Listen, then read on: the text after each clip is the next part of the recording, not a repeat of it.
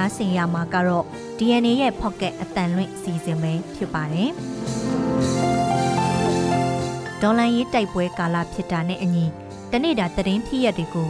နှွေဦးဒေါ်လန်ရေးသတင်းတွေကပဲဖုံးလွှမ်းထားတတ်ပါတယ်။နှွေဦးဒေါ်လန်ရေးတဲ့ကလာတဲ့စစ်ရေးနိုင်ငံရေးသတင်းတွေအပြင်တနေ့တာသတင်းဖြစ်ရက်တွေတဲ့တခြားစိတ်ဝင်စားစရာလူမှုစီးပွားဘဝသတင်းတွေလည်းရှိနေတတ်ပါတယ်။ ဒီကနေ့ဇွန်လ16ရက်မှာရရှိတဲ့တနေ့တာသတင်းဖြစ်ရက်တွေတဲ့ကသတင်းတချို့ကို DNA ရဲ့ Pocket အတန်လွင့်အစီအစဉ်မှာစူးစီးဖော်ပြပေးလိုက်ပါတယ်။ဒီအစီအစဉ်ကိုတော့ကျမနန်းခမ်းနဲ့အတူကျွန်တော်မောင်သိန်းကစူးစီးတင်ဆက်ပေးသွားမှာပါ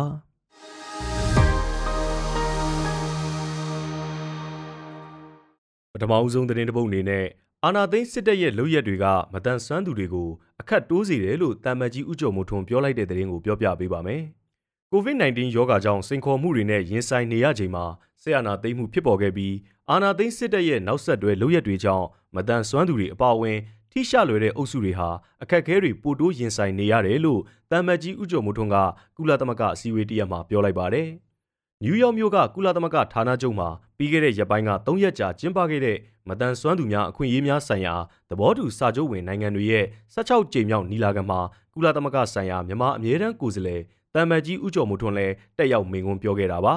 ။မတရားဆရာနာသိမ်းမှုနဲ့စစ်တပ်ရဲ့ရက်ဆက်ကြမ်းကြုတ်မှုတွေဟာထိရှလွယ်တဲ့လူအုပ်စုတွေအတွက်စိန်ခေါ်မှုတွေပိုတိုးလာစေသလိုမြန်မာနိုင်ငံမှာမတန်ဆွမ်းဥယျာဉ်လည်းပိုမြင့်တက်လာတယ်လို့တမ်မတ်ကြီးဦးကျော်မိုးထွန်းကပြောပါတယ်။အာနာသိန်းစစ်တပ်ဟာရက်ဆက်ကြမ်းကြုတ်မှုတွေကျူးလွန်ရမှာတန်ဆွမ်းသူမတန်ဆွမ်းသူအမျိုးသမီးအမျိုးသားလူကြီးလူငယ်ခွဲခြားမှုမရှိဘဲအကြမ်းဖက်မှုတွေကျူးလွန်နေတယ်လို့သူကဆိုပါတယ်။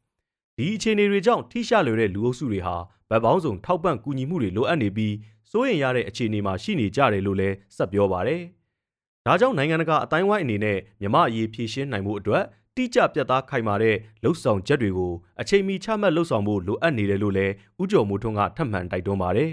။ဆက်လက်ပြီးတော့မဲဆဲမြို့ကိုကရင်နီဒေါ်လန်ရေးတက်တွေကတိမ့်ပိုင်နိုင်ပြီဆိုတဲ့အကြောင်းကိုပြောပြပေးပါမယ်။ထိုင်းမြန်မာနယ်စပ်ကရင်နီပြည်နယ်တဲကမဲဆဲမြို့ကို ကရင်နီပူးပေါင်းတပ်တွေကဒီကနေ့မှသိမ်းယူလိုက်ပြီးတဲ့နောက်အစိုးရအဆောက်အုံတွေအပါအဝင်မဲဆဲမြို့တွင်ကိုစစ်ကောင်စီက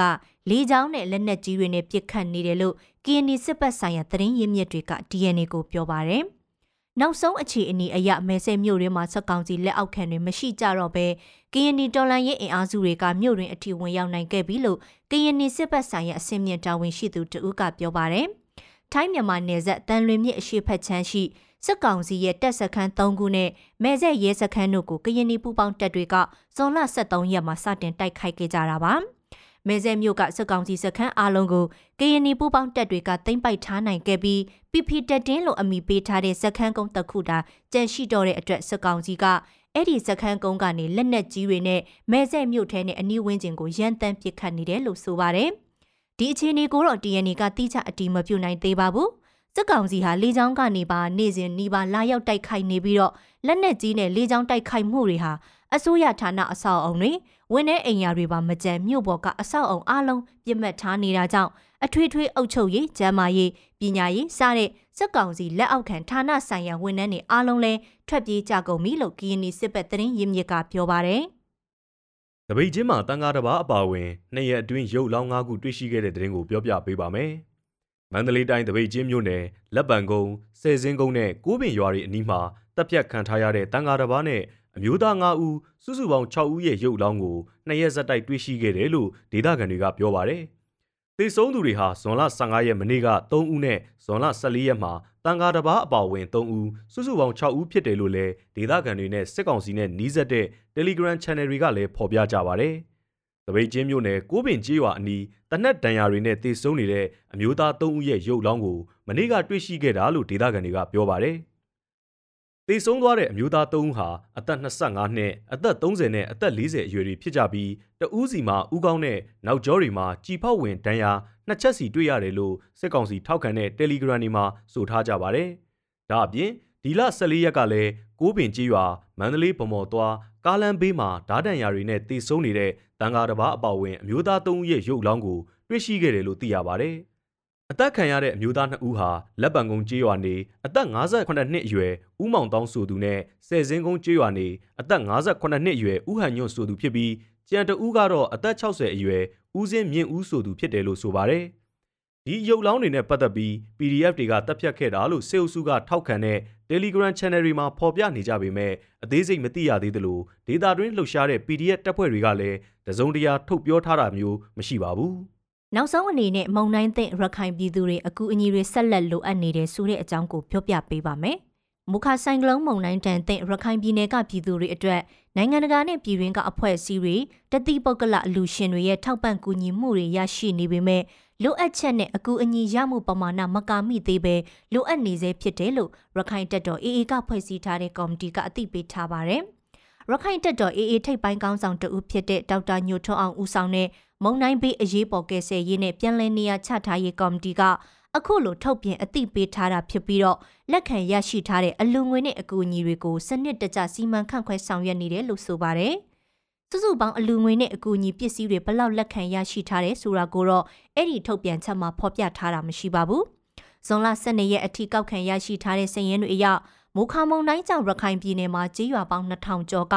အင်ဂျီ3သိန်းနီးပါးပျက်စီးခဲ့ပြီးတော့လူဦးရေတသန်းခွဲကျော်အကူအညီတွေလိုအပ်နေတယ်လို့ဆိုပါတယ်။ရခိုင်တပ်တော် AA ရဲ့ကူညီပေးမှုတွေအပြင်ပြည်ရင်းပြည်ပအဖွဲ့အစည်းတွေရဲ့ကူညီမှုတွေကိုခက်မှန်းတွက်ချက်ထားမှုအရဇွန်လ12ရက်အထိ အိမ်အောင်စု2000ကျော်အတွက်အရေးပေါ်စားနပ်ရိက္ခာနဲ့အိမ်အောင်စု9000ကျော်အတွက်အမိုးအကာကူညီမှုတွေသာပြုလုပ်ထားနိုင်သေးတယ်လို့ AA ကဖွဲ့စည်းထားတဲ့ကော်မတီကပြောပါတယ်။ဒါဟာမုံတိုင်းတဲ့လူဦးရေရဲ့30ရာခိုင်နှုန်းလောက်သာအကူအညီတွေရရှိထားတဲ့သဘောဖြစ်ပြီးနောက်ထပ်80ရာခိုင်နှုန်းသောမုံတိုင်းတဲ့လူမှုအတွက်အကူအညီတွေလိုအပ်နေတာလို့ဖော်ပြထားပါတယ်။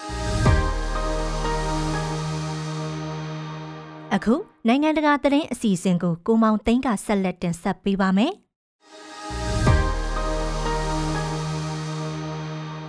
ယူကရိန်းလေယာဉ်မှုတွေအတွက်အမေရိကန်လုပ် F-16 တိုက်လေယာဉ်တွေကိုမောင်းနှင်နိုင်အောင်ကူညီလေ့ကျင့်ပေးမဲ့အစီအစဉ်တွေကိုလာပိုင်းအတွင်းစတင်နိုင်ဖို့အနောက်မဟာမိတ်နိုင်ငံတွေကမျှော်လင့်ထားပါတယ်။နယ်သာလန်ကာကွယ်ရေးဝန်ကြီးကတ်ဆာအိုလွန်ဂရန်ကယူကရိန်းလေယာဉ်မှုတွေကို F-16 တွေနဲ့အကျွမ်းတဝင်ဖြစ်လာအောင်လေ့ကျင့်ပေးမဲ့အစီအစဉ်ကနွေရာသီမှာကြဲကြဲပြန့်ပြန့် လက်တွေ့အကောင့်ထဲပေါ်လာနိုင်မယ်လို့ပြောကြားခဲ့ပါတယ်။ဥရောပမဟာမိတ်နိုင်ငံတွေဟာလက်ဝယ်ရှိနေတဲ့ F-16 တိုက်လေယာဉ်တွေကိုယူကရိန်းစီခွဲဝေပို့ဆောင်ပေးကြဖို့စီစဉ်နေပါတယ်။အမေရိကန်အစိုးရကဒီကိစ္စကိုမတားမြစ်ပေမဲ့ကိုယ်တိုင်ကယူကရိန်းစီ F-16 တွေပို့ဆောင်ဖို့ကိုတော့ညှင်းဆိုထားဆဲဖြစ်ပါတယ်။အမေရိကန်လို့ F-16 တွေဟာရုရှားရဲ့ကျူးကျော်စစ်ပွဲစတင်ချိန်ကတည်းကယူကရိန်းသမ္မတဗိုလိုဒီမာဇလန်စကီအစဉ်တစိုက်တောင်းဆိုနေတဲ့စစ်လက်နက်အမျိုးအစားတွေလည်းဖြစ်ပါတယ်။ အိုလွန်ဂရန်က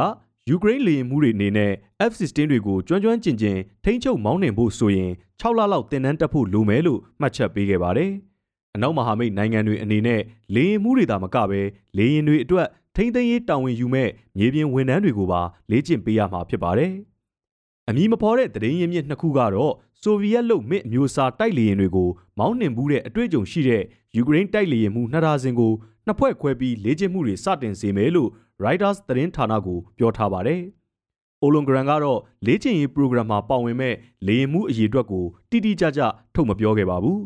။ F-16 တွေဟာယူကရိန်းလေတပ်ကလက်ရှိပိုင်ဆိုင်ထားတဲ့မစ်တွေထက်စွမ်းဆောင်ရည်တိတိတသာပိုကောင်းပြီးရုရှားရဲ့လေကြောင်းစိုးမိုးမှုစွမ်းရည်ကိုတံပြန်ချိုးဖျက်ဖို့ထိရောက်တဲ့အားဖြည့်မှုမျိုးဖြစ်လာမယ်လို့ယူကရိန်းသမ္မတဇလန်စကီကပြောကြားထားပါတယ်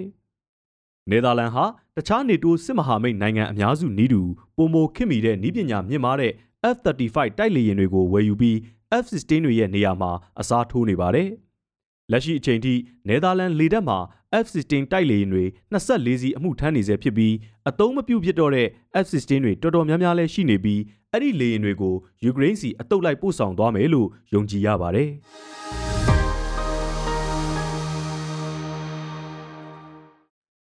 ပိန်ကအပန်းဖြေကမ်းခြေတစ်ခုကိုငမန်းတကောင်ချင်းကပ်လာပြီးလူတွေနောက်ရှောက်လိုက်နေလို့ရေကူးနေသူတွေကမ်းပေါ်ကိုအသေးအတန်တက်ပြေးခဲ့ကြရပါတယ်။ဇွန်လ15ရက်မနက်ပိုင်းကအလီကန်တီတောင်ပိုင်းမှာရှိတဲ့အဂူရာမာရီနာကမ်းခြေရေတိမ်ပိုင်းကိုမဖိတ်ခေါ်ပဲရောက်လာတဲ့ဧည့်သည်ရှိနေမှန်းကမ်းခြေဆောင်ဝန်ထမ်းတွေကသတိပြုမိခဲ့တဲ့နောက်လူတွေကိုရေထဲကနေပြန်တက်ချဖို့ဝီစီတွေမှုတ်ပြီးသတိပေးခဲ့ပါတယ်။အဲ့ဒီအချိန်မှာငမန်းကခါအနှက်လောက်သာရှိတဲ့ရေတိမ်ပိုင်းကိုရောက်ပြီးလှည့်လည်ကူးခတ်နေပြီဖြစ်ပါတယ်။ ငမန်းနဲ့အတော်လေးနီးနေတဲ့မိသားစုတစုဆိုရင်ငမန်းစူးတောင်ဥတီနေတဲ့နေရာကိုကြည့်ရင်ငမန်းကူးခတ်လာမဲ့လာရနဲ့လွတ်အောင်လမ်းကြောင်းရွေးပြီးရှောင်တိန်ခဲ့ရတာတွေ့ရပါတယ်။တက်ကြီးပိုင်းအမျိုးသမီးကြီးတဦးကိုရေထဲကအမြန်ပြန်တက်နိုင်အောင်တခြားသူတွေကကူညီခဲ့ပေမဲ့အခုဖြစ်စဉ်မှာထိခိုက်ဒဏ်ရာရသူမရှိခဲ့ပါဘူးအဲ့ဒီအမျိုးသမီးကြီးကသူနဲ့ငမန်းအရန်နီးနေမှန်းတိလိုက်တဲ့အချိန်အကြောက်လွန်ပြီးကြက်တီတည်နေခဲ့တာလို့မျက်မြင်တွေကဆိုပါတယ်အခုဖြစ်စဉ်မှာတခြားထိခိုက်ဒဏ်ရာရသူတွေတော့မရှိခဲ့ပါဘူး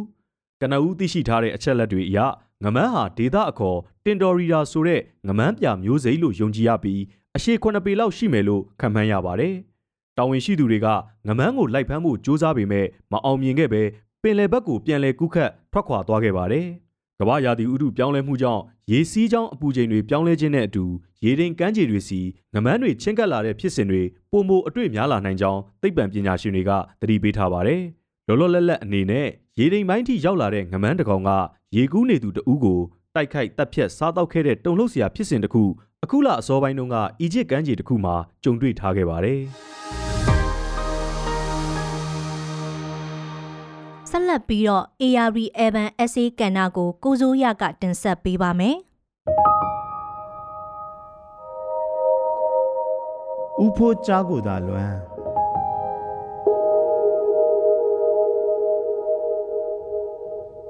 အခုလိုဇွန်လမိုးဦးကြကြဆိုရင်လမ်းပေါ်မှာအဖြူနဲ့အစိမ်းဝစ်ပြီးကြောင်းသွားကြတဲ့ကလေးတွေကိုတွေ့ရတတ်ပါတယ်။အစိမ်းရောင်တည့်ရက်တွေကြားကအဖြူရောင်စပယ်ပန်းပွင့်တွေလိုပါပဲ။မြစ်တွေချောင်းတွေပေါ်များတဲ့အေယာရီမြစ်ဝကျွန်းပေါ်ဒေသတွေမှာမိုးရသည်ဆိုကလေးတွေကြောင်းသွားကြောင်းပြန်ခက်ခဲပါတယ်။ရှုံတဲ့ဘွယ်ထဲသွားကြရသလိုလှေနဲ့ကြောင်းသွားရတာတွေရှိပါတယ်။တတိရမိတာကတော့ ဟင်္ဒရာနဲ့ဆယ်မိုင်အကွာမှာရှိတဲ့နိဗ္ဗာန်ရွာသားအမျိုးသားပညာဝင်ဦးဖို့ကြားကိုပဲဖြစ်ပါတယ်။ဦးဖို့ကြားကို1892ခုမတ်လ23ရက်နေ့မှာမွေးပါတယ်။ငယ်စဉ်ကဥတာဒနာဘုံကြီးကျောင်းမှာပညာသင်ကြားပါတယ်။အဲဒီနောက်အတုတ်ရွာကဘုံကြီးကျောင်းမှာပညာသင်ကြားရင်းမြန်မာ9တန်းအောင်မြင်ခဲ့ပါတယ်။ဦးဖိုးကြားဟာအင်္ဂလိပ်စာနဲ့ခင်မီစာပေတွေကိုဆက်လက်သင်ယူလို့တော့လဲ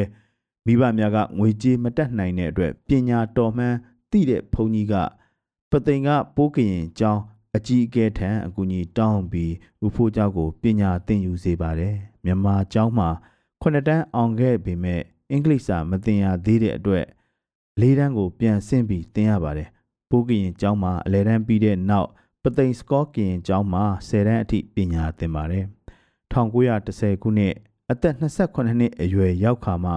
အင်္ဂလိပ်မြန်မာ10တန်းအောင်မြင်ခဲ့ပါတယ်။10တန်းအောင်မြင်ပြီးတဲ့နောက်ဦးဖိုးကြားဟာဂျက်ဆင်ကောလိပ်ကိုတက်ရောက်ပါတယ်။ဂျက်ဆင်ကောလိပ်တက်သူများဟာဘိုကေသပင်ထားကြပေမဲ့ဦးဖိုးကြားကတော့ရောင်တုံးနဲ့သာကြောင်းတက်ပါတယ်။1920ပြည့်နှစ်အင်္ဂလိပ်နယ်ချက်ကိုအန်တူသောကျောင်းသားတပိတ်ကြီးဖြစ်တဲ့အခါဦးဖိုးကြားဟာ BA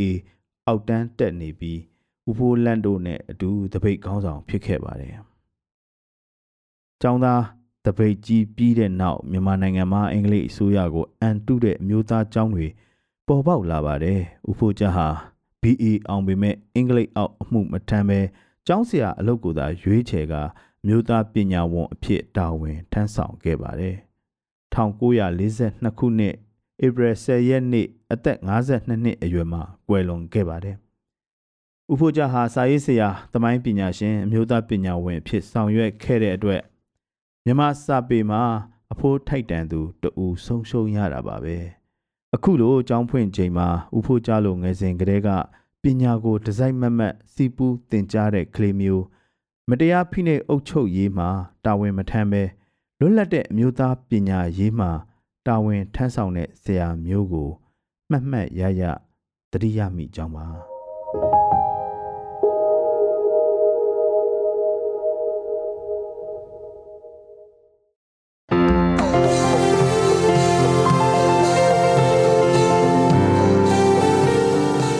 DNA ရဲ့ Pocket အတန်ရင်းအစီအစဉ်ကိုအပတ်စဉ်တနင်္လာနေ့ကနေတောက်ကြနေ့အထိည9:00နာရီတိုင်းမှာတင်ဆက်ပေးသွားမှာပဲဖြစ်ပါတယ်။ဒီအစီအစဉ်ကိုတော့ DNA ရဲ့ Facebook Page ကနေအပြင် Anchor, Spotify နဲ့ Google Pocket တို့တွေကနေတဆင့်လဲနားဆင်နိုင်ပါတယ်ရှင်။